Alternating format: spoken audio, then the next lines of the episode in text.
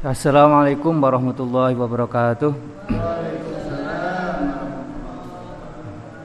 Bismillah, alhamdulillah, wassalatu wassalamu ala rasulillah wa ala alihi wa mawalah la hawla wa la quwwata illa billah amma ba'du Allahumma faqihna fitin wa alimna ta'wil rabbi syrah li sadri wa yassir li amri wahlul 'uqdatam min lisani yafqahu qawli uh, Alhamdulillah uh, hadirin sekalian kita bisa melanjutkan uh, pengajian Riyadus Solihin ya.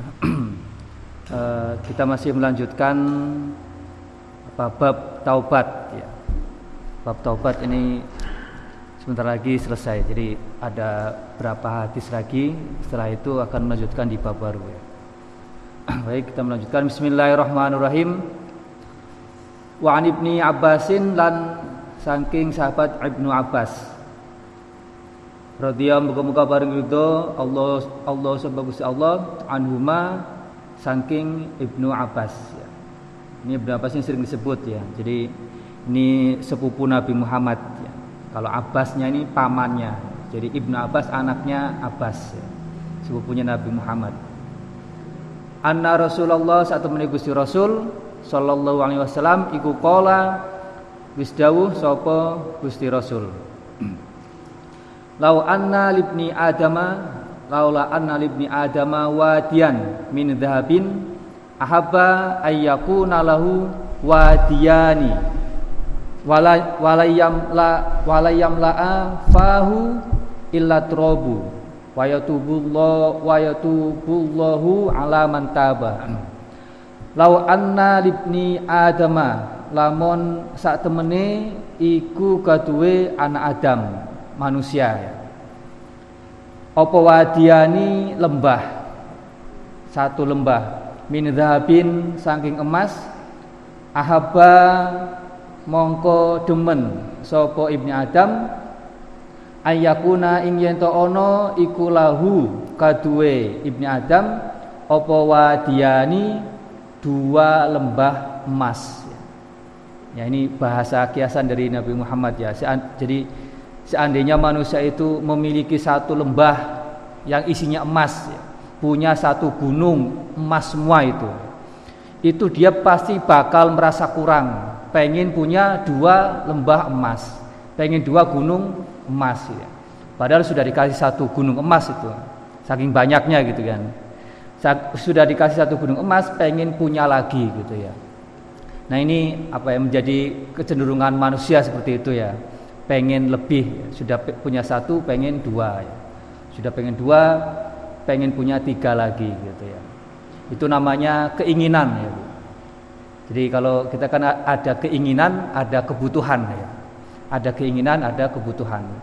Kalau kebutuhan itu ya kita pengen sesuatu karena butuh gitu ya. Karena keadaan mengharuskan kita punya itu gitu. Ya. kalau keinginan ya ya sekedar pengen aja gitu ya sudah pengen punya ini, pengen itu ya. Jadi kalau kebutuhan itu apa uh, apa namanya? Uh, alasan gitu ya. Jadi kalau kebutuhan itu pikirannya itu berdasarkan dari dari nalar, dari dari otak ya. Kalau keinginan itu dari nafsu, sumbernya ya. Jadi kebutuhan itu sumbernya dari nalar, dari akal. Kalau keinginan itu sumbernya dari nafsu ya.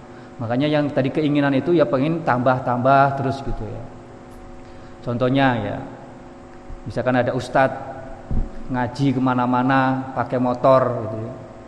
Terus musim hujan, musim hujan kan karena musim hujan akhirnya jadi sering hujan, ngaji jadi sering libur gitu ya.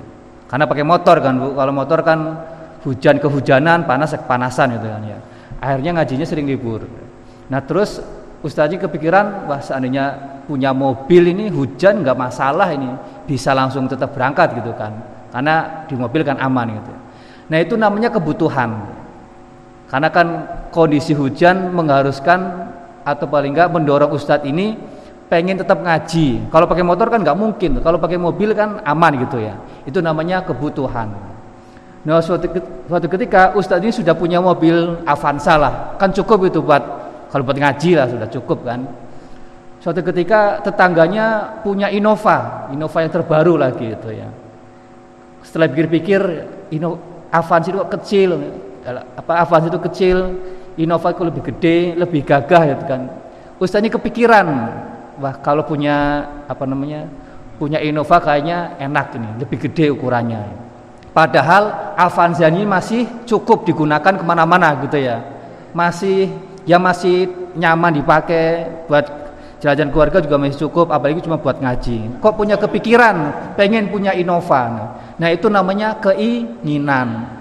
Avanzanya masih cukup, masih bagus, ya, masih ya nggak kalau kalau hujan nggak kepanasan, kalau panas nggak kehujanan, ya.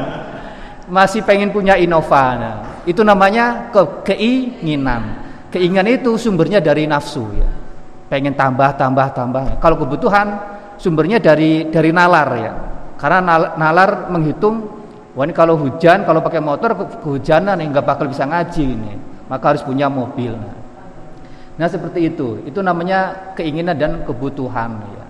Jadi yang di apa? Yang dicela gitu ya, yang tidak bagus itu keinginan yang sumbernya dari nafsu gitu ya. Kalau keinginan yang berdasarkan kebutuhan atau kebutuhan itu itu ya tergantung bagaimana orang itu ingin memanfaatkannya gitu ya. Nah, itu seperti itu. Jadi e, menjadi watak manusia seperti itu, selalu pengen lebih, pengen lebih. Iya, sudah punya Innova pengen Fortuner gitu ya. Tetangga sebelahnya punya Fortuner gitu ya. Sudah. Tapi kalau Fortuner nggak kepikiran, soalnya nggak nggak mampu untuk beli Fortuner ya. Innova aja masih mikir-mikir gitu paling nggak. Tapi baru punya keinginan ya. Nah itu namanya keinginan. Ya. Nah kalau diumpamakan oleh Nabi Muhammad itu kalau orang sudah punya satu gunung emas, gunung manggar itu punya sendiri isinya emas semua, dia pengen punya dua gunung manggar yang isinya emas semua itu. Nah itu ibaratnya seperti itu. Walayam la'alan ora orang ngebak ngebai, fahu ing apa ing cangkeme ibnu adam mulutnya ibnu adam opo illa turabu kejobo lebu ya. Jadi keinginan-keinginan tadi itu ya terus ada selalu dalam diri manusia sampai mulutnya itu kemasukan tanah, penuh oleh tanah. Itu kiasan dari mati gitu Bu. Mati kan dikubur ya e, ya e, sudah bercampur dengan dengan tanah, sudah dikubur, baru dia berhenti ingin punya keinginan-keinginan itu. Keinginan-keinginan yang dari hawa nafsunya berhenti. Jadi hanya mati yang bisa menghentikan seorang punya keinginan gitu ya itu kan. Makanya kan dalam Al-Qur'an ada alhaakumut takasuru hatta zurtumul makobir. Jadi kalian itu eh, apa? Ber, pengen bermegah-megahan, pengen banyak-banyakan sampai sampai ke kuburan, sampai me, mengunjungi kuburan, maksudnya sampai mati. Ya. Jadi hanya mati yang bisa menghentikan manusia e, dari sikap berlebih-lebihan itu, yang menghentikan keinginannya. Nah itu manusia yang mungkin tidak bisa mengendalikan hawa nafsunya. Kalau manusia seperti kita yang di sini kan ya insya Allah kan kalau sudah punya yang cukup ya sudah gitu ya pengen nambah lagi ya hanya karena yang sudah punya ini sudah nggak bisa digunakan lagi ya nah itu kalau uangnya banyak ya justru karena uangnya banyak keinginan itu timbul ya. Ya kan keinginan timbul untuk mewujudkannya lebih gampang ya kalau punya lebih gampang sudah punya satu Avanza kok pengen beli Innova, Innovanya buat apa? Kalau kalau sekedar cuma keinginan-keinginan gitu ya. Padahal Avanza sudah cukup gitu ya. Akhirnya jadi jadi kepemilikan yang jadi apa ya sia-sia juga enggak bermanfaat juga enggak gitu kan ya. Yang paling baik kan sesuatu dimiliki dan bermanfaat ya sesuai dengan kebutuhan ya. Kalau orang punya keinginan tapi nggak punya uang, paling nggak baru punya keinginan saja ya baru punya mimpi dan tidak sampai membeli dan tidak sampai menyia-nyiakan. Masih lebih baiklah orang gak punya uang kemudian punya keinginan, soalnya nggak bisa mewujudkan ya. Beda kalau orang punya uang kemudian bisa mewujudkan, tapi ternyata hartanya juga sia-sia akhirnya gitu kan. Sia-sia kan sesuatu yang yang tidak tidak baik gitu kan ya. Jadi uh, intinya ya apa yang kita miliki itu miliki itu ya sebaiknya sesuai dengan kebutuhan ya. Kalaupun ternyata hartanya berlebih ya, bisa digunakan untuk hal yang apa bermanfaat untuk sedekah ya. Daripada misalkan uangnya digunakan untuk beli mobil lagi, mungkin diinvestasikan untuk uh, apa rencana masa depan untuk anak untuk mau sedekah tetangganya dengan jumlah yang besar juga nggak apa-apa gitu kan gitu atau sedekah ke masjid mau menyumbang hal-hal yang lebih dari sekedar keinginan saja gitu ya jadi kalau misalnya kita sudah merasa tercukupi kok hartanya masih banyak ya paling minim untuk memanfaatkan harta itu ya disedekahkan, diinfakan, di ya zakat sudah pasti gitu kan ya. Kira-kira seperti itu ya. Yaitu cobaan orang punya keinginan justru ketika ketika sudah punya duit kan. Kan mungkin kita sering rasa ya Bu kalau lagi nggak punya uang ya perasaan biasa-biasa aja gitu kan. Begitu megang uang tiba-tiba pengen ini, pengen itu, pengen ini, pengen itu gitu. Padahal lagi nggak punya uang ya nggak kepikiran tadi yang itu itu. Saya, saya juga sering ngalamin itu bu. Kalau lagi nggak punya uang ya anteng. ya. Buka Shopee ya biasa aja nggak terganggu itu. Shopee itu kan. Begitu punya uang buka Shopee langsung langsung pengen ini pengen ini pengen ini gitu. Ya itu ya. Jadi uh, pengen punya uang itu sudah satu keinginan itu.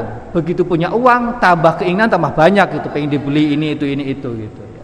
Nah itu sudah apa sudah digambarkan sebagai watak manusia ya. Kebanyakan manusia seperti itu gitu ya. Walam ya, walam walayam la'afahu ila turabu wa yatubullah wa yatubulan rimo tobat. Sapa Allah Gusti Allah alaman ing atase wong taba kang tobat sapa man. Ya, nah apa hubungannya sama tobat ini? Jadi Allah akan menerima tobat ya dari orang yang tadi itu punya keinginan-keinginan yang apa yang tidak baik itu ya keinginan yang dianggap tercela tadi itu ya jadi tadi itu pengen sudah punya Avanza, pengen punya Innova padahal masih belum butuh ya. Sudah punya Innova, pengen punya Fortuner padahal juga masih belum butuh gitu ya. Pengen terbaru ya. Ya itu juga salah satu keinginan godaan lagi itu ya, gitu.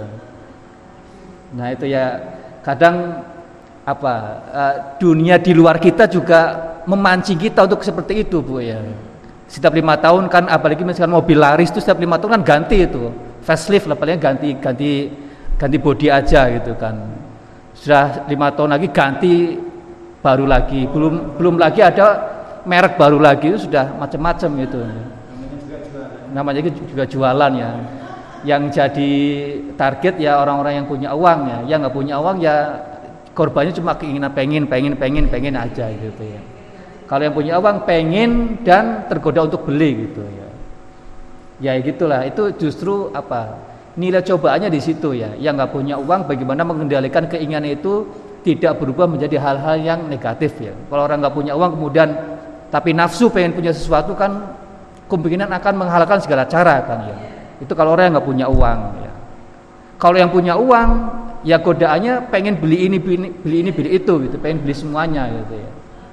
Jadi punya uang nggak punya uang sama-sama ujian, sama-sama cobaan itu bu. Jadi belum tentu orang yang nggak punya uang itu lebih baik daripada orang yang nggak punya uang. Ya. Kalau kalau dalam kondisi nggak punya uang, dia malah terjerumus dalam hal-hal yang tidak baik gitu ya. Tadi itu akhirnya melakukan hal, yang terlarang gitu ya. E, juga sebaliknya orang yang nggak punya uang, orang yang punya uang belum tentu kondisinya lebih buruk daripada orang yang nggak punya uang ya. Intinya punya uang nggak punya uang sama-sama bisa baik, sama-sama bisa buruk. Tergantung bagaimana kita mengendalikan diri gitu. Tergantung dari orangnya itu. Tadi itu wayatubullahu ala man taba. Allah akan menerima tabat dari orang yang tadi itu yang apa menghentikan keinginan-keinginan tidak tidak baiknya itu ya. Nah itu. Wa an Abi Hurairah talan saking Abi Hurairah radhiyallahu muga-muga paring ridho sapa Allah Gusti Allah anhu saking Abu Hurairah anna Rasulullah satu menika Gusti Rasul sallallahu alaihi wasallam iku qala wis dawuh sapa Gusti Rasul. Jadi ini mungkin ibu-ibu sebagai informasi ini namanya kitab hadis ya. Kitab hadis itu eh, tadi hadis yang tadi sudah selesai sekarang ke hadis yang baru. Satu tema tapi beda cerita. Yang tadi masih tentang tobat juga, tapi ceritanya tentang orang yang punya keinginan berlebih. Yang hadis yang berikut ini juga masih tentang tobat, tapi ceritanya sudah lain, tentang sudah lain sudah lain cerita, tapi temanya sama tentang tobatnya. Nih, yadhaku yadhaku guyu ketawa. Sapa Allah Gusti Allah subhanahu ma suci wa ta'ala subhanahu ma suci Allah wa ta'ala lan hulur sapa Allah. Nah Allah tertawa ini. Ila rajulaini marang wong loro yaktalu kang mateni sapa ahaduma salah sijine rajulaini al akhara ing liyane uh, Yaqtul ahaduma al akhara al akhara yadkhulani halim lebu sapa rajulaini al jannata ing surga. Jadi Allah tertawa ya. Allah tertawa ini kiasan Bu, bukan berarti Allah punya mulut kemudian tertawa, ngakak atau mesem ya. Nah, ketawa itu kan kalau dalam bahasa manusia ekspresi dari senang gitu ya, gembira gitu ya. Nah, jadi kalau ada kata yadhaku atau Allah tertawa itu artinya Allah ridho Allah senang ya, ya. jadi Allah senang ya terhadap dua orang yang eh, yang satu membunuh dan satu jadi korban pembunuhan nah nanti kenapa senang kenapa senangnya ada penjelasannya nih Yadhakullahu subhanahu wa ta'ala ila rujulaini yaktulu ahaduhuma al akhara yadkhulanil jannah. Jadi ada dua orang, yang satu pembunuh, satu korban pembunuhan, dua-duanya masuk surga yang membunuh masuk surga, yang dibunuh masuk surga. Jadi pelaku kejahatan pembunuhan masuk surga, yang dibunuh juga masuk surga. Yukotilu podo podo saling apa? Saling membunuh, maksudnya apa? Bergelut gitu ya, perang. Yukotilu saling membunuh, berperang. Hada ing hada sopo al akhor yuqatilu perang sapa hadza al akhir tadi itu. Fi sabilillah ing dalem dalane Allah ya perang di jalan Allah. Fayuqtalu maka kemudian fayuqtalu mongko den pateni sapa al al, al akhir jadi dua orang berperang ya, yang satu terbunuh ya summa yatubu nuli tobat nuli nrimo tobat sapa Allah Gusti Allah alal qatili ing atase wong kang mateni. Fayus limu mongko mlebu Islam sapa al-qatil wong kang mateni. Fayus tasyhadu nuli mati syahid sapa al-qatil jadi Allah apa gembira bahagia eh, atas kasus dua orang. Yang satu membunuh yang satu pembunuh yang satu terbunuh. Kenapa? Ya. Jadi yang satu ini kan kondisinya lagi perang ya. Yang satu ini mungkin yang satu ini kafir gitu ya. Yang membunuh ini kafir yang dibunuh ini orang Islam. Ceritanya ini dalam perang ya. Jadi yang membunuh orang kafir yang terbunuh orang Islam yang dibunuh kan ini syahid ya karena lagi perang kemudian terbunuh orang Islam tentu syahid. Nah yang dibunuh yang pembunuhnya orang kafir kok bisa masuk Islam bagaimana? Setelah dia membunuh akhirnya dia tobat setelah perang mungkin setelah beberapa waktu kemudian dia tobat masuk Islam kemudian ikut perang lagi. Setelah setelah ini ya tapi dalam dalam barisan orang Islam sekarang ini dia tobat masuk Islam kemudian ikut perang tapi dalam barisan orang Islam kemudian dia mati juga gitu ya jadi sama-sama masuk surga gitu ya jadi ini ada ceritanya ini ada kisahnya jadi pada perang Badar ya jadi barang Badar setelah Nabi Muhammad hijrah ke Madinah itu ya, itu terjadi dua tahun setelah Nabi Muhammad di Madinah. Itu kan terjadi perang Badar. Ya.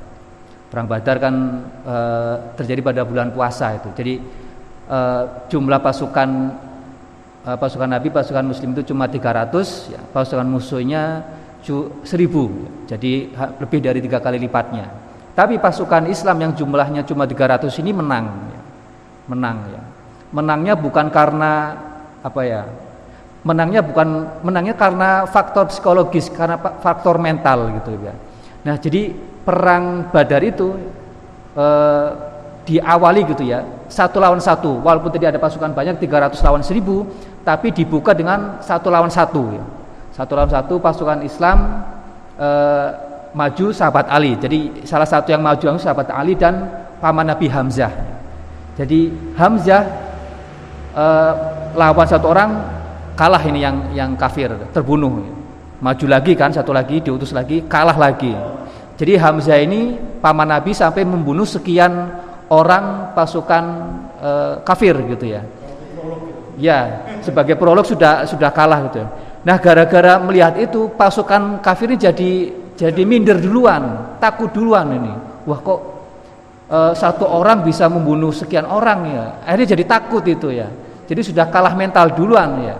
Termasuk juga sahabat Ali sahabat Ali juga membunuh sekian orang ini. Jadi satu lawan sekian itu itu bikin gentar itu akhirnya e, begitu perang beneran mereka kocar kacir duluan karena sudah takut duluan dengan dengan sosok Ali dengan sosok Hamzah yang, yang beraninya luar biasa ya satu orang bisa membunuh sekian orang nah pada saat perang Badar ini sahabat Hamzah tadi ya, Hamzah e, paman Nabi ini membunuh e, kerabat Abu Sofyan dan Hindun. Abu Sofyan Hindun ini pasangan suami istri gitu ya. Membunuh kerabat e, dari Abu Sufyan dan Hindun ya. Nah, setelah itu Abu Sufyan dan Hindun merasa tidak terima saudaranya dibunuh oleh Hamzah dalam perang Badar itu. Pengen balas dendam. Bagaimana suatu saat Hamzah ini juga bisa dibunuh gitu ya. Sampai, sampai kemudian uh, setelah perang Badar kan Oh, kaum muslim menang, pasukan kafir kalah ya. Setelah kalah pasukan kafir ini juga pengen balas dendam ini. Kok bisa-bisanya pasukan muslim yang padahal waktu di Mekah itu orang yang kita remehkan kok bisa menang ya. Penasaran dan pengen balas dendam. Akhirnya terjadi perang apa Bu? Uh, Uhud. Nah, perang Uhud. Di perang Uhud itu ya eh, pasukan Islam ya, pasukan Nabi juga hampir menang itu. Tapi gara-gara kemudian rebutan uh, ghanimah ya harta rampasan perang kondisinya jadi terbalik ya. Akhirnya pasukan Islam jadi yang jadi yang kalah nah. Salah satu yang terbunuh pada perang Uhud ini Hamzah tadi. Hamzah yang tadi saat perang Badar luar biasa ya. Pada perang Uhud ini dia terbunuh. Bukan terbunuh sebenarnya dibunuh. Dibunuh kalau dibunuh terbunuh beda. Kalau terbunuh kan oleh pasukan ya. Kalau dibunuh ini dibunuh oleh seorang budak namanya Wahsy, seorang Wahsy. Wahsy ini budak pembunuh bayaran. Diutus ke perang Uhud khusus untuk membunuh Hamzah. Ya, karena dibayar oleh kerabat tadi Abu Sufyan dan Hindun itu ya. Yang sebenarnya dibunuh oleh Hamzah dari di perang Badar itu ya. Jadi dibayar khusus untuk membunuh Hamzah. Bukan pasukan ini si si Wahsy ini ya. Jadi menyelinap di pasukan uh, kafir tugasnya satu cuma untuk membunuh Hamzah akhirnya benar Hamzah terbunuh itu kan. Ceritanya serem itu kan ya. Sampai apa namanya e, jantungnya diambil dan seterusnya itu kan oleh Abu Sufyan dan Hindun ini e, suruhannya itu ya. Setelah perang Uhud selesai sudah kan e, masing-masing pulang lah pasukan Islam kalah pasukan kafir ya, ya pulang ke Mekah. Beberapa, beberapa lama kemudian ya kan kita tahu Islam semakin berkembang kan. Jadi walaupun perang Uhud kalah, Islam tetap berkembang itu, termasuk sampai ke Mekah ya. Sampai ke Mekah ya. E, begitu orang Islam semakin banyak, Wahsy ini ketakutan ya. Ketakutan karena Islam semakin banyak kan kemungkinan e, akan menguasai Mekah kan. Ya. Sampai kemudian benar ya e, Nabi Muhammad ke Mekah dalam rangka apa? Fathu Mekah ya. Ketika peristiwa itu ya ketika apa umat Islam di Mekah sudah banyak Wahsy ini yang ketakutan kabur ke Taif. Pindah ke Taif itu kabur karena khawatir ditangkap oleh pasukan Islam kemudian khawatir dibunuh juga gitu ya. Setelah di Taif di Taif juga ternyata dia merasa nggak nyaman juga ya. Karena apa terbebani pikiran telah membunuh dan khawatir ada yang mengejar. Dia pengen kabur lagi ke Syam. Begitu mau kabur ke Syam ada yang ngasih tahu ya. Nggak usah takut. Kalau kamu memang takut dibunuh kamu harus tahu bahwa kalau kamu datang ke Nabi Muhammad dan masuk Islam kamu nggak akan bakal dibunuh. Syaratnya cuma itu masuk Islam sudah ya. Nggak akan dibunuh. Daripada kamu kabur-kaburan terus capek gitu kan.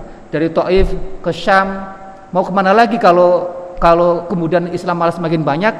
Nggak bakal selamat kalau cuma cuma apa pengen kabur aja lebih kamu ke Mekah eh ke Madinah nemuin Nabi Muhammad masuk Islam kamu akan selamat tidak akan dibunuh walaupun kamu sudah membunuh Ham Hamzah, sahabat atau paman Nabi gitu ya. Sahabat dan paman Nabi yang sangat disenangi itu ya. Ya sudah, akhirnya karena desakan seperti itu ya di di apa? Karena ada rasa takut sekaligus ada rasa harapan gitu ya. Akhirnya dia ke Madinah nemuin Nabi Muhammad menyatakan diri masuk Islam. Akhirnya masuk Islam tapi eh, akhirnya bersandar di hadapan Nabi, tapi Nabi masih masih belum suka sama si Wahsy ini. Ditanya, "Kamu eh, Wahsy kan datang Nabi Muhammad, Nabi, saya pengen masuk Islam. Saya nama saya Wahsy." Kemudian dipastikan, "Kamu benar Wahsy yang membunuh paman saya, Hamzah itu." Kata Wahsy, "Iya, saya yang membunuh eh, Hamzah itu ya." Akhirnya oleh Nabi nggak dihukum ini karena sudah masuk Islam kan. Oleh Nabi cuma dah kamu nyingkir aja pergi dari dari hadapan saya gitu ya. Jadi diterima masuk Islam tapi Nabi Muhammad nggak pengen lihat wajahnya gitu ya. Itu kan masih mending ya. Padahal sudah ketahuan membunuh orang Islam paman Nabi sendiri ya. Kalau kita kalau mungkin mengedepankan nafsu ya lebih dibunuh aja nih orang ini ya. tapi enggak ya. Karena sudah masuk Islam dah daripada lama-lama di depan wajah saya dan nyingkir aja saya nggak suka melihat orang yang membunuh paman saya gitu ya. Akhirnya Was ini masuk Islam. Nah, ini apa namanya yang disebutkan dalam hadis ini ya. Allah bergembira terhadap pembunuh dan korban pembunuhan. Korban pembunuhan ini sudah pasti syahid ya.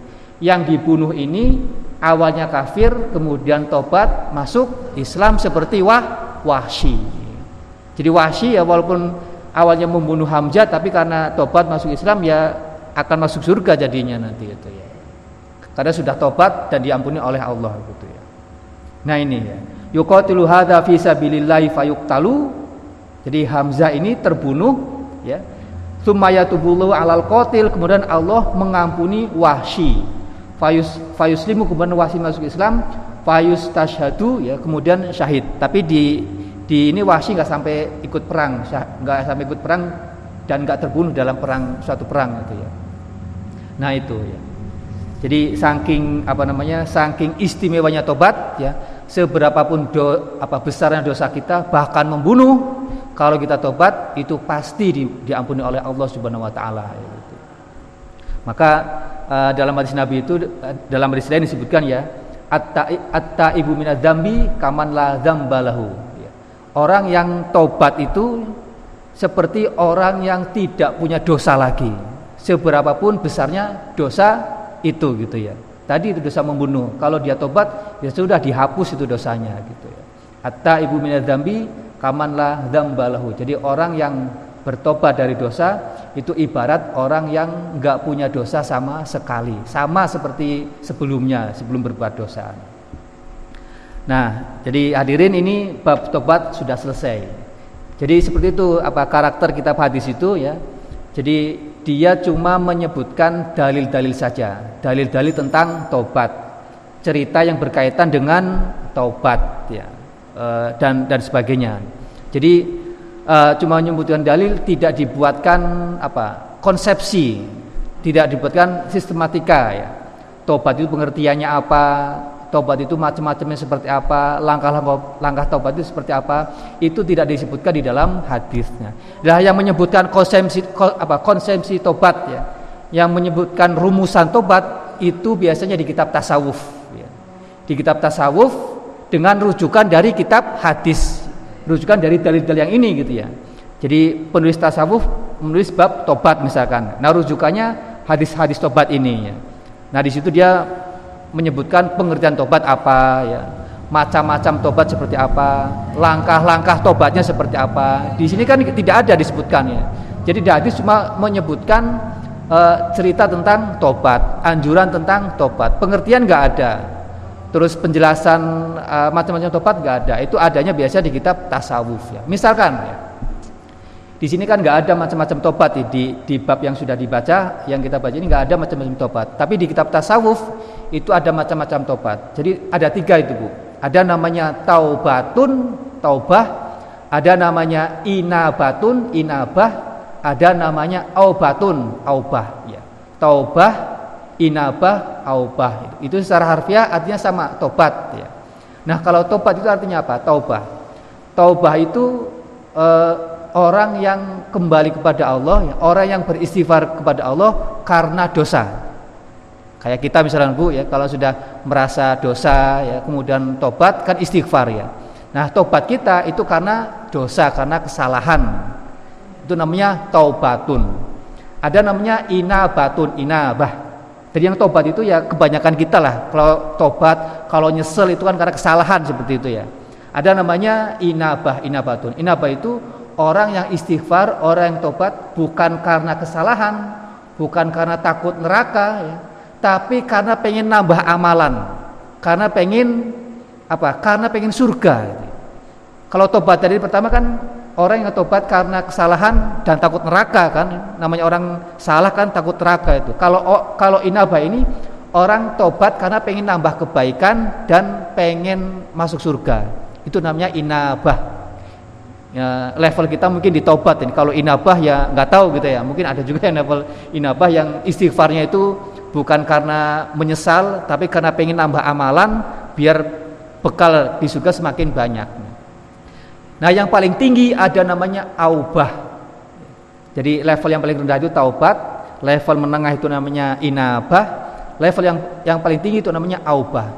Jadi aubah itu tobat bukan karena salah, juga bukan karena pengen nambah amalan. Tobat bukan karena takut neraka, juga bukan karena pengen masuk surga. Ini tobatnya nabi, tobatnya para nabi. Karena mungkin nabi tobat karena salah kan, Sebab Nabi itu apa? Terjaga dari kesalahan, terjaga dari dosa. Enggak mungkin kalau Nabi istighfar karena to, karena berbuat salah gitu ya. Begitu juga enggak mungkin Nabi itu istighfar karena pengen masuk surga. Wong Nabi itu yang menjadi perantara masuk surga kok pengen masuk surga gimana? Kan enggak enggak masuk akal itu kan.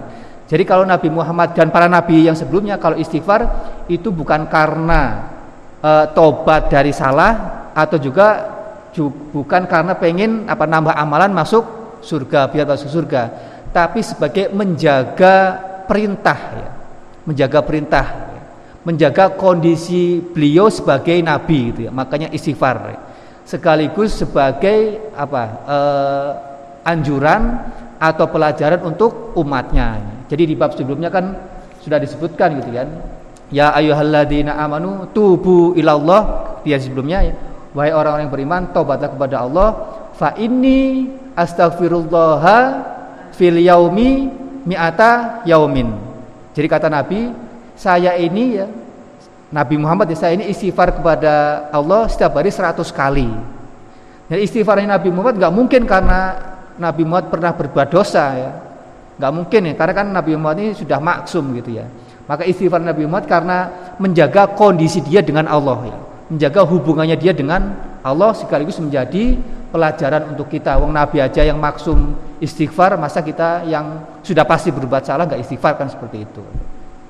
Jadi itu di sini nggak ada itu penjelasan seperti itu nggak ada taubah, inabah, e, aubah nggak ada. Yang ada di kitab tasawuf itu ya. Taubatun, inabatun, aubatun. Yang di kitab ini ya cuma tadi itu menjelaskan cerita tentang tobat, tentang anjuran tobat dan sebagainya gitu. Tobat nasuha itu tobat yang yang murni, yang tulus, yang memenuhi tadi syarat-syarat tobat itu, Bu. Sebelumnya kan ada syarat tobat pertama apa? Menghentikan perbuatan dosa ya.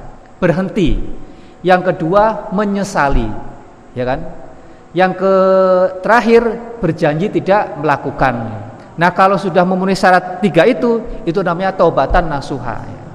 Jadi ada yang mengatakan sebenarnya syarat tobat itu cukup satu, menyesal saja itu.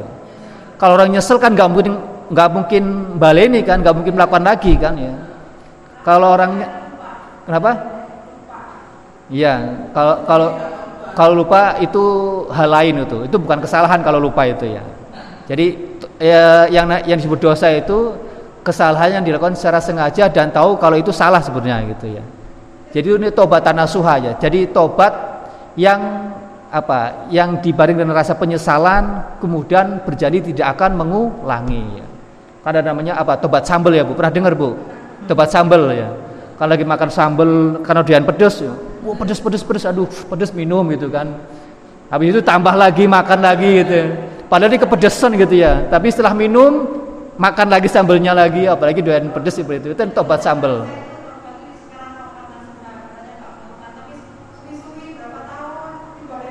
Lagi ya itu watak manusia seperti itu itu bu ya. Makanya kan tadi uh, anjurannya kan tobat itu setiap saat ya. Setiap hari minimal 100 kali. Karena seperti itu watak manusia itu nggak cuma sekali dua kali melakukan kesalahan ya. Karena ada potensi uh, untuk berbuat salah sampai seterusnya itu kan ya, ya. sampai mati gitu kita ada potensi berbuat salah ya. sekaligus ada potensi berbuat baik gitu ya. Ya makanya nggak usah minder kalau merasa apa uh, ada kemungkinan untuk berbuat dosa lagi. Nggak usah minder. Wong uh, Allah itu kan lebih banyak ampunannya dibanding dosa kita yang kita lakukan kan ya. Tapi bukan berarti sengaja ingin melakukan gitu bu gitu uh, ya itu potensi manusia seperti itu ya ada kemungkinan untuk mengulangi kesalahan gitu ya maka uh, sebaik-baik manusia itu yang bertobat kan Eh, kulubani adama khotouna. Jadi setiap manusia itu pasti bersalah. Wa khairu khotoina dan sebaik-baik orang yang bersalah itu at-taibuna orang yang bertobat gitu ya. Ini sudah di sudah disampaikan oleh Nabi, setiap kita pasti bersalah gitu ya. Gak cuma cukup sekali dua kali gitu ya. Posisi mungkin juga sepanjang hidup pasti bersalah gitu ya. Baik itu mungkin disadari atau tidak, disadari langsung atau disadari terlambat itu pasti seperti itu ya. Maka karena ada kemungkinan seperti itu tobatnya juga harus dijaga setiap hari gitu. istighfarnya setiap hari ya. 100 kali kalau 100 kali itu kan bisa dicicil itu lima waktu 20 20 kali itu 20 kali 5 100 itu ya enteng itu kan ya enteng itu istighfar seperti itu enteng bagi yang dapat hidayah kalau dapat hidayah susah juga itu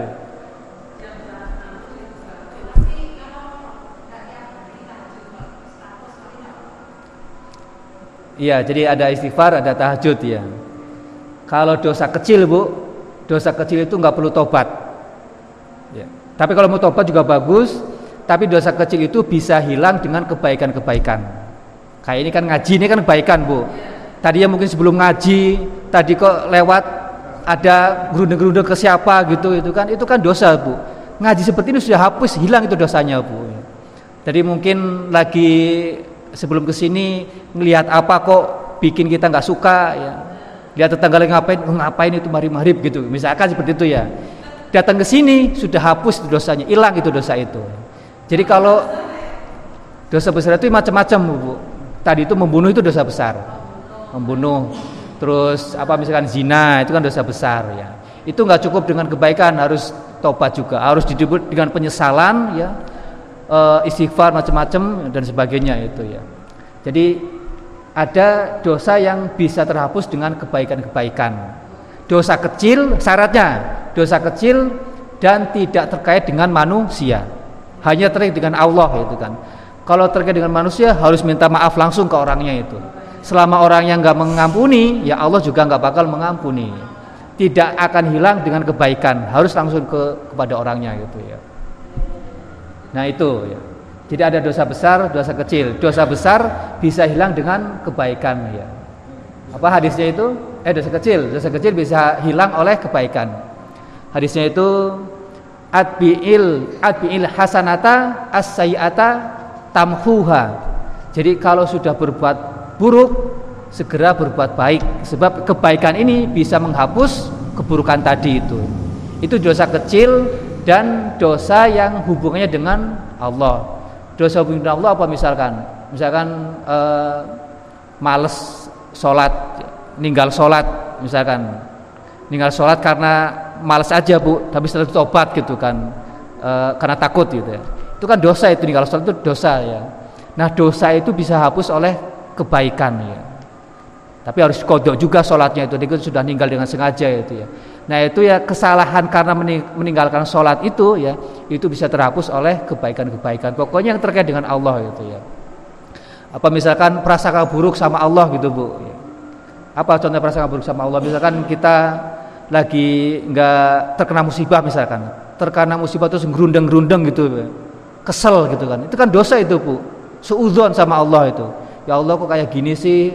Kenapa nggak dikasih yang enak-enak aja gitu kan? apa Allah sudah nggak suka lagi sama saya itu kan seudon sama Allah itu bu nah itu dosa dosa kecil itu bisa hilang misalkan dengan astagfirullahaladzim dengan ngaji kayak gini dengan sedekah ke, ke tetangga itu bisa hilang seketika itu ya kalau dosa besar ya harus tobat itu harus tobat dan menyesal sebab kalau misalkan orang membunuh itu kan orang membunuh apalagi sudah menjadi profesi menjadi kejahatan itu kan bisa berulang-ulang kan ya orang membunuh itu.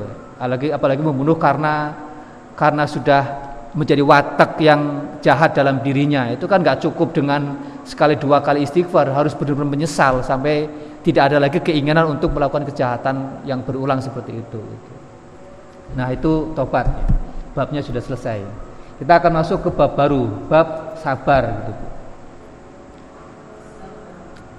oh, mungkin sedikit tentang tobat lagi ini ada beda dengan kitab hadis yang ini dengan bab tobat gitu kan kalau di kitab hadis ini diawali dengan bab apa? E, ikhlas. Ikhlas dan bab niat sebagai pengingat bahwa apa pun yang kita awali harus dengan niat dan keikhlasan gitu ya. Nah, kalau di tasawuf ya ada namanya makom, makomat. Makom itu posisi. Posisi kita di hadapan Allah. Makom macam-macam tingkatannya itu. Makom itu posisi kita di hadapan Allah berdasarkan amalan Nah, makom pertama di kitab tasawuf itu namanya taubat.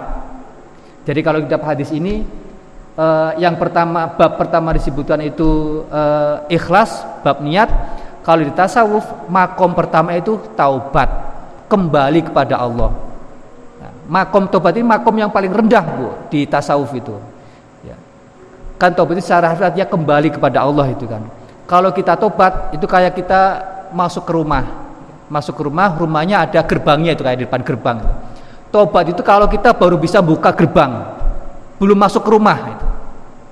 Uh, umpamanya um, rumah ini uh, Allah misalkan ini sebagai permisalan saja kalau kita tobat kita baru buka gerbang belum dekat sama Allah ya. namanya baru masuk gerbang buka pintu rumah aja belum itu kan itu makom tobat seperti itu betapa dia masih sangat rendah di sisi Allah.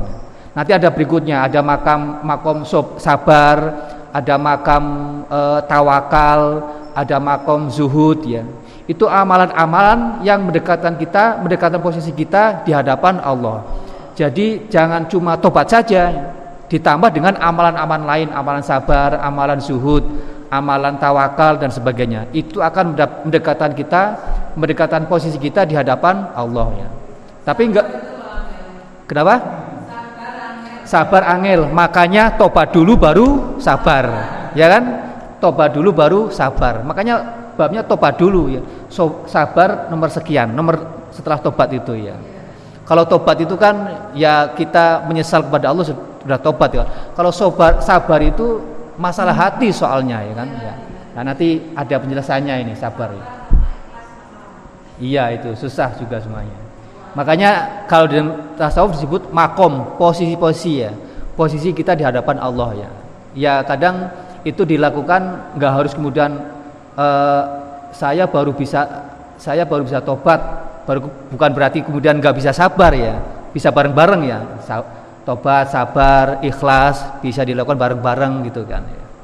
Jadi nggak nggak kayak satu dua tiga kalau tiga kan harus dua atau satu dulu kan kalau dalam pelaksanaannya nggak harus seperti itu bisa langsung satu dua tiga bisa dilakukan bareng bareng bisa tobat bisa sabar bisa tawakal bisa dilakukan secara bareng bareng ya jadi dibuat tingkatan makom itu untuk mempermudah saja mempermudah penjelasan pada prakteknya bisa dilakukan bareng bareng nah setelah tobat sabar di tasawuf juga seperti itu sabar itu setelah tobat tobat paling pertama ya. ini rupanya ada ada kemiripan ya. Makanya antara hadis dan tasawuf itu nggak dipisah gitu ya. Hadis itu sumbernya tasawuf, sumber rujukan tasawuf. Ya. Bab sobri utawi ikiku bab sabar. Qala wis dawuh sapa Allah Gusti Allah taala maha luhur sapa Allah. Ya ayyuhalladzina amanu he wong-wong kang padha iman isbiru sabaro sira kabeh wasabiru lan ningkat ningkatake kesabaran sira kabeh. Jadi Wahai orang beriman, sabar dan tingkatkanlah kesabaran. Bukan cuma sabar sekali, tapi sabar berkali-kali. Sabar sudah sabar, ditingkatkan sabarannya lagi gitu ya. Biar nanti sabarnya semakin besar. Sabar dan tingkatkanlah kesabaran. Itu itu artinya isbiru wasobiru. Sabar dan tingkatkanlah kesabaran. Biar uh, tingkatnya itu lebih lebih tinggi gitu ya. Kalau sabar aja susah, apalagi ningkatin kesabaran ya bu. Sabarnya susah, apalagi menguatkan kesabaran tambah susah gitu ya. Susah bukan berarti mustahil tapi ya bu ya, bisa bisa dilakukan gitu ya. Faqala lan dawuh sapa Allah Gusti Allah taala mulus Allah. Kenapa? Oh ada lanjutannya di sini enggak ditulis ya. Warobitu wattaqullaha la'allakum ta'qilun gitu ya. Warobitu dan apa ber, terhubunglah kamu ya wattaku dan takwalah kalian Allah Gusti Allah la'allakum menawa sira kabeh iku bukan takilun ya Mas ya? Oh warabitu ya. La'allakum tuflihun ya. Warabitu wattaqullaha la'allakum tuflihun. Menawa menawa sira beruntung sapa sira kabeh ya. Jadi sabar dan tingkatlah kesabaran ya. Semoga kalian beruntung. Ya. Nah ini dalil dalil sabar dari Al-Quran. Wa qala dawuh sapa Allah Allah taala maulur sapa Allah wala nabluwannakum bisyai'im minal khaufi wal ju'i wa naqsim minal amwali wal anfusi was samarati wa basyiris sabirin. Wala nabluwanna lan teman-teman bakal nyuba sapa ingsun Allah kum ing sira kabeh bisyai'in kelawan setitik sedikit minal khaufi saking wedi ketakutan ya. Wal ju'i lan luwe kelaparan. Ya. kelaparan ini enggak uh, harus lapar secara harfiah ya. Bisa dengan misalkan kondisi paceklik gitu ya. Kondisi kekeringan ya. Kalau di sini insya Allah kan nggak pernah kekeringan ya bu ya. Di sini ngeduk ngeduk apa tanah semeter aja airnya sudah banyak gitu. Padahal musim kemarau itu ya. Saya kemarin bikin septic tank itu semeter airnya sudah banyak. Padahal bikinnya pas musim kemarau itu di sini nggak pernah kekurangan air. Kalau di daerah lain kan ada sampai bulan-bulan kan nyari air harus sampai berkilo-kilo gitu ya. Nah itu walan aku bisya'im minal khofi wal ju'i. Jadi akan dicoba dengan sedikit rasa takut ya. Dan tadi itu lapar ya. Wanaksim lan kurang minal amwali saking piro-piro harta. Diuji dengan harta juga ya. Yang nggak punya uang ya diuji dengan kondisi tidak punya uang. Yang punya uang dicoba dengan misalkan uangnya hilang, usahanya bangkrut, ditipu orang dan sebagainya. Itu manaksim wanaksim minal amwali, dicoba dengan harta ya. Baik coba dengan kekurangan nggak punya uang maupun dicoba dengan harta yang banyak kemudian berkurang atau hilang atau eh, apa Pokoknya yang terakhir dengan kekurangan uang itu ya. Waraksi minal amwali wal anfusi lan piro-piro nyowo. Di, dicoba dengan masalah nyawa ya. dengan kematian, kematian orang tua, kematian anak, kematian, kematian saudara, kematian tetangga dan sebagainya. Wasamarotilan buah-buahan, ya, ya, tegalanya di, dicoba nggak panen, ya, uh, jagungnya, kolnya, ya, kubis, terus tapi sini sawah ya, kebanjiran ya. Kalau sawah kebanjiran kan memang keba harus kebanjiran kalau sawah. Kalau kubis, ya, bako, wah bencana itu. Nah itu bagian dari bencana, bagian dari ujian itu ya bu ya. Walan berlaku misyamil khofi wal ju'i wa naqsim amwali wal anfusi wa thamarat wa bashir lan gawe bunga sira Muhammad Nabi Muhammad as-sabirina ing piro-piro wong kang sabar kabeh. Nah, kalau kita diuji tadi dengan rasa takut, dengan kelaparan ya, dengan harta ya, dengan tanduran-tanduran yang enggak berhasil itu ya, yang rugi dan sebagainya, kalau kita berhasil sabar menghadapi semua itu ya, maka kita akan dijanjikan surga ya, oleh Allah. Wabashiris sabirin ya.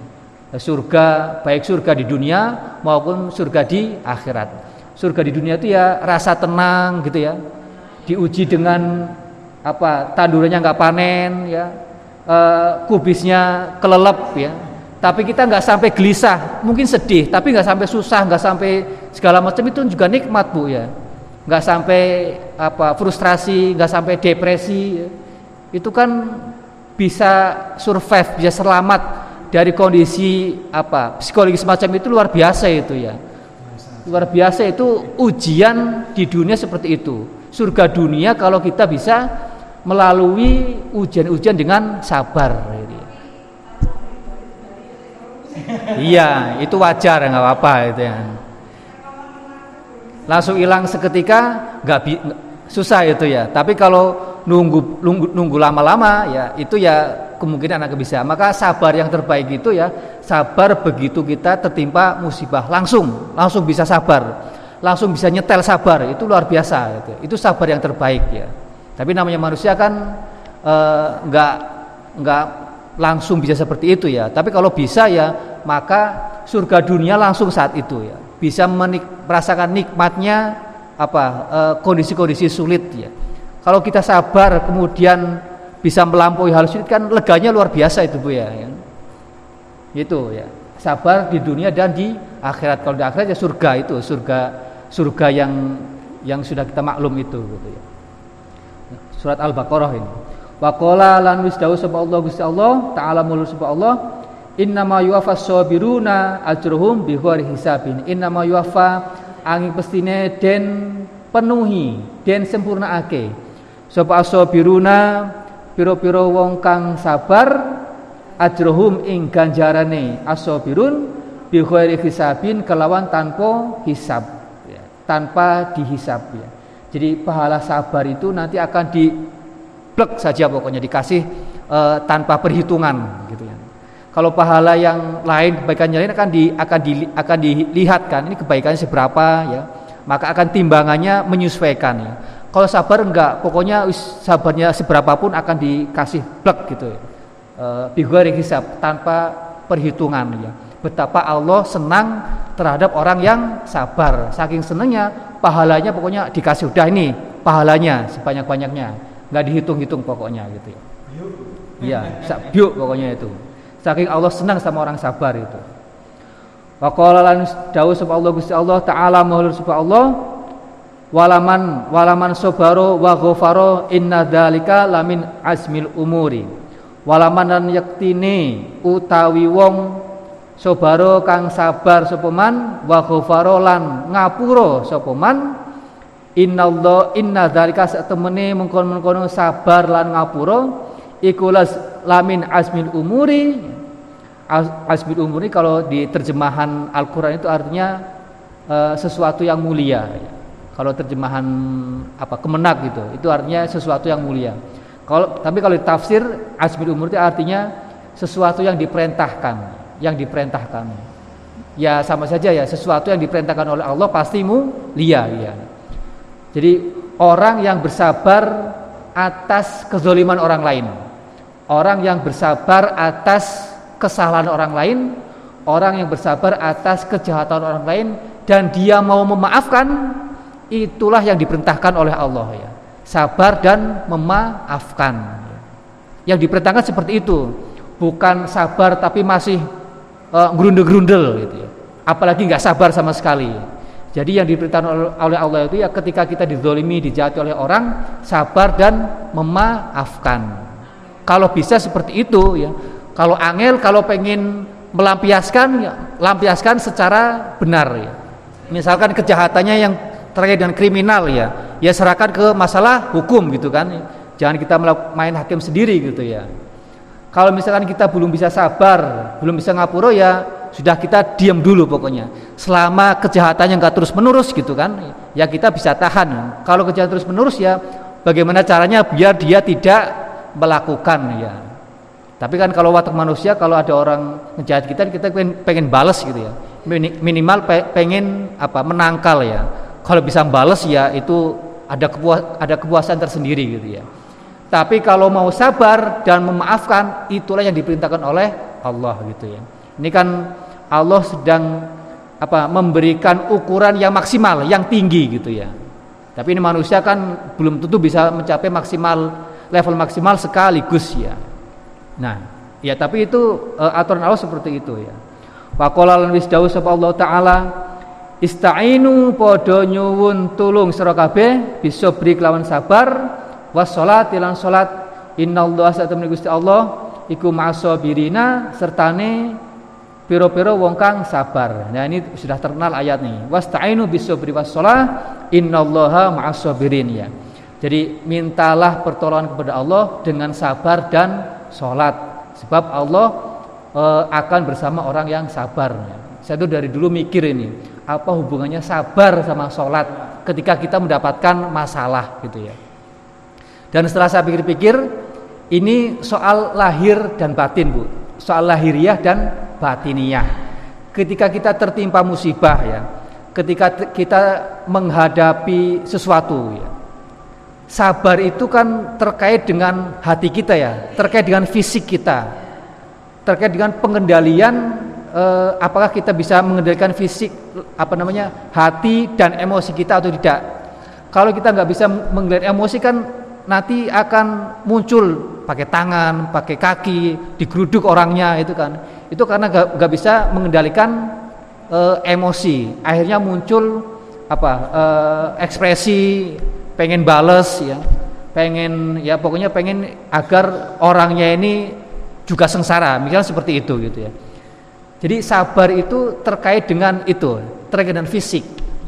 Kalau sholat itu terkait dengan batiniah, terkait dengan batin.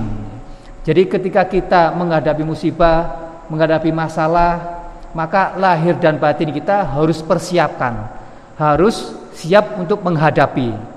Lahiriahnya dengan menahan diri untuk tidak berbuat hal-hal yang terlarang. Kan ada orang yang mungkin depresi kemudian e, melakukan hal-hal yang terlarang gitu Ibu ya. Sampai naudzubillah ada yang bunuh diri karena bisa menghadapi masalah gitu kan. Ada apa? Misalkan dia dizolimi dan tidak bisa menahan diri akhirnya balas membunuh dan sebagainya. Kan banyak seperti itu ya kejadian yang pembunuhan ya, karena e, bermula dari tidak bisa sabar secara lahiriah itu ya. E, diejek sama tetangganya, tetangganya langsung digeruduk, diapain dengan tindakannya lebih besar gitu ya. Itu akibat tidak bisa menahan diri secara uh, lahiriah. Nah, kenapa juga minta tolong dengan sholat? Sholat itu mengendalikan emosi. Dengan sholat mengendalikan emosi gitu ya. Kan sholat itu kan isinya zikir kan. Dengan zikir kita bisa tenang, mendekatkan kepada Allah nggak ada mestinya mestinya nggak ada ceritanya kalau orang dekat dengan Allah kemudian kok marah-marah emosi tidak bisa tenang depresi dan seterusnya ya. Kalau orang ya kalau orang sholat kemudian masih depresi masih masih nggak tenang itu ya pertanda mungkin sholatnya yang perlu dipertanyakan kan? Khusyuk atau enggak ikhlas atau enggak gitu ya. Nah kalau kemudian sholat apalagi yang nggak sholat ya. Sholat aja kadang tidak bisa berpengaruh ya apalagi yang enggak sholat ya. Maka ya eh, apa anjuran dalam Islam ya kalau kita menghadapi musibah ingin menghadapi masalah ya itu sabar dan sholat sabar itu menghadapi secara lahiriah tidak menyerah tidak depresi ya tidak ya pokoknya tetap uh, tetap apa tenang ya sementara sholat ini kita meminta ketenangan kepada Allah. Jadi selalu terhubung dengan Allah. Minta agar kita selalu dikendalikan oleh Allah ya, bukan oleh nafsu gitu Bu. Ya, kalau kita menghadapi sesuatu masalah pasti akan ke mana-mana larinya itu ya. Sebab kalau masalah sudah masuk ke nafsu ya, itu akan ber, apa, berimbas ke hal-hal yang lahiriah. Tangannya main, kakinya main, ya, seperti itu. Ya. Ngamuk dan seterusnya itu ya. Itu kalau nggak dikendalikan, ya akibatnya seperti itu. Ya. Maka lahir dan batin itu perlu dipersiapkan, ya. perlu disetel agar e, masalah itu tidak menjerumuskan kita terhadap hal-hal yang terlarang, gitu ya. Wasta'inu bisobri wasolah. Nabi juga seperti itu, bu. Jadi kalau Nabi itu menghadapi masalah, masalah Nabi ya pasti terkait dengan umat, bu. Nggak terkait dengan tetangganya yang suka iseng nggak terkait dengan duit nggak terkait dengan apa Masalah Nabi terkait dengan umat, terkait dengan Islam. Kalau Nabi Muhammad mungkin uh, apa sumpek gitu ya, uh, ngurusi umat, Nabi langsung sholat. Ya. Atau misalkan Nabi berat masalah wahyu gitu ya, uh, menerima wahyu kemudian merasa berat, Nabi sholat gitu ya. Termasuk juga masalah-masalah kemanusiaan tadi itu ya, yang terkait dengan umat, Nabi akan sholat ya. Makanya kan ini wasta'inu bisobri wasolah ya. E, mengikuti teladan Nabi ya. E, maka ya umatnya mesti seperti itu ya. Itu Bu, saya juga waktu bangun rumah kemarin baru jadi itu ya, banyakin sholat itu ya. Yang yang sebelumnya jarang-jarang sholat sunnah ya, sholat sunnahnya dibanyakin ya, biar rumahnya cepat selesai gitu ya. Itu kan pengen, itu kan juga masalah kan Bu ya membangun rumah itu kan masalah terlepas kita punya uang nggak punya uang itu kan ada apa ada apa namanya ada yang kita pikirkan ada yang gelisah dalam hati itu kan suatu masalah gitu ya ya walaupun tetap berusaha nyari uang ya sholatnya juga dibarengi itu biar biar nggak susah-susah amat lah ya. Sebab kalau kita mikirin uang terus tanpa didampingi dengan yang bersifat batiniah ya kita akan susah terus supek terus pikirannya ya. Tapi kalau kemudian diimbangi dengan sholat, ya, dengan ketenangan ya, yang bersumber dari sholat, ya, secara batiniah ya, insya Allah eh, kegelisahan kita akan terkendali, ya, ya, akan terkendali, nggak sampai susah, nggak sampai nggak sampai sumpek dan sebagainya gitu ya. Dia tetap mikir tetap ya, tapi sampai sumpek enggak ya, karena berkahnya itu, sholat itu seperti itu. Fasta'inu bisabri wassalah, innallaha ma'as-sabirin gitu ya. Wakola ini ayatnya sebentar lagi, sedikit lagi nih. Wakola lan wakola lan uh, wis dawuh Allah Gusti Allah taala melalui Allah walana luanna lan teman-teman bakal nguji sapa ingsun Allah kum ing sira kabeh hatta nak lama sehingga ngerti sapa kita al mujahidina ing piro-piro wong kang nemen-nemeni orang yang bersungguh-sungguh mingkum saking sira kabeh wasobirina lan piro-piro wong kang padha sabar kabeh. Jadi eh, sabar ini menjadi ukuran ya. Menjadi ukuran apakah orang itu bisa melewati ujian dari Allah atau tidak gitu ya. Walan bulanakum hatta lama al mujahidina minkum wasobirin ya. Jadi ukuran sabar itu ketika orang atau kita ya bisa melewati masalah dengan selamat melewati eh, kendala-kendala dengan selamat baik secara terutama secara batiniah Bu. Secara batiniah tidak terganggu tidak menggugat Allah kemudian gundur-gundur ke Allah ya ngeluh-ngeluh ya seolah menyalahkan takdir dan sebagainya itu itu bisa watak orang seperti itu bisa diuji ketika dia mendapatkan masalah ya. Ya kita mungkin bisa ngukur ke masing-masing kita kan. Kita pasti sudah punya punya masalah lah. Masalah e, keluarga masalah anak masalah kerjaan masalah tetangga masalah masyarakat pasti kita pernah punya masalah itu ya kalau kita bisa e, melewati masalah itu ya kemudian kita sabar tidak sampai e, membuat kita apa melakukan hal yang buruk itulah tanda kita selamat atau lulus dari ujian Allah ya terhadap kusitan-kusitan yang lainnya itu ya. Nah itu walan bulan bulan nakum hatta na'lamal mujahidina minkum wasobirin ya. Jadi sabar itu tanda kita lulus ujian dari Allah. Wal ayatu tawi piro ayat fil amri ing dalam perintah bisa beri kelawan sabar wa bayani fadlihi lan penjelasane keutamaan sabar iku kafiratun akeh ma'rufatun tur ma'ruf terkenal. Jadi ini bab sabar di Riyadus Solehin diawali dengan dalil-dalil dari Al-Quran. Jadi cuma sebagian, masih banyak lagi dalil-dalil dari Al-Quran. Nah berikutnya nanti akan baru masuk ke, ke isi hadisnya. Dari dalil sabar dari hadis ya. Wassalamualaikum warahmatullahi wabarakatuh.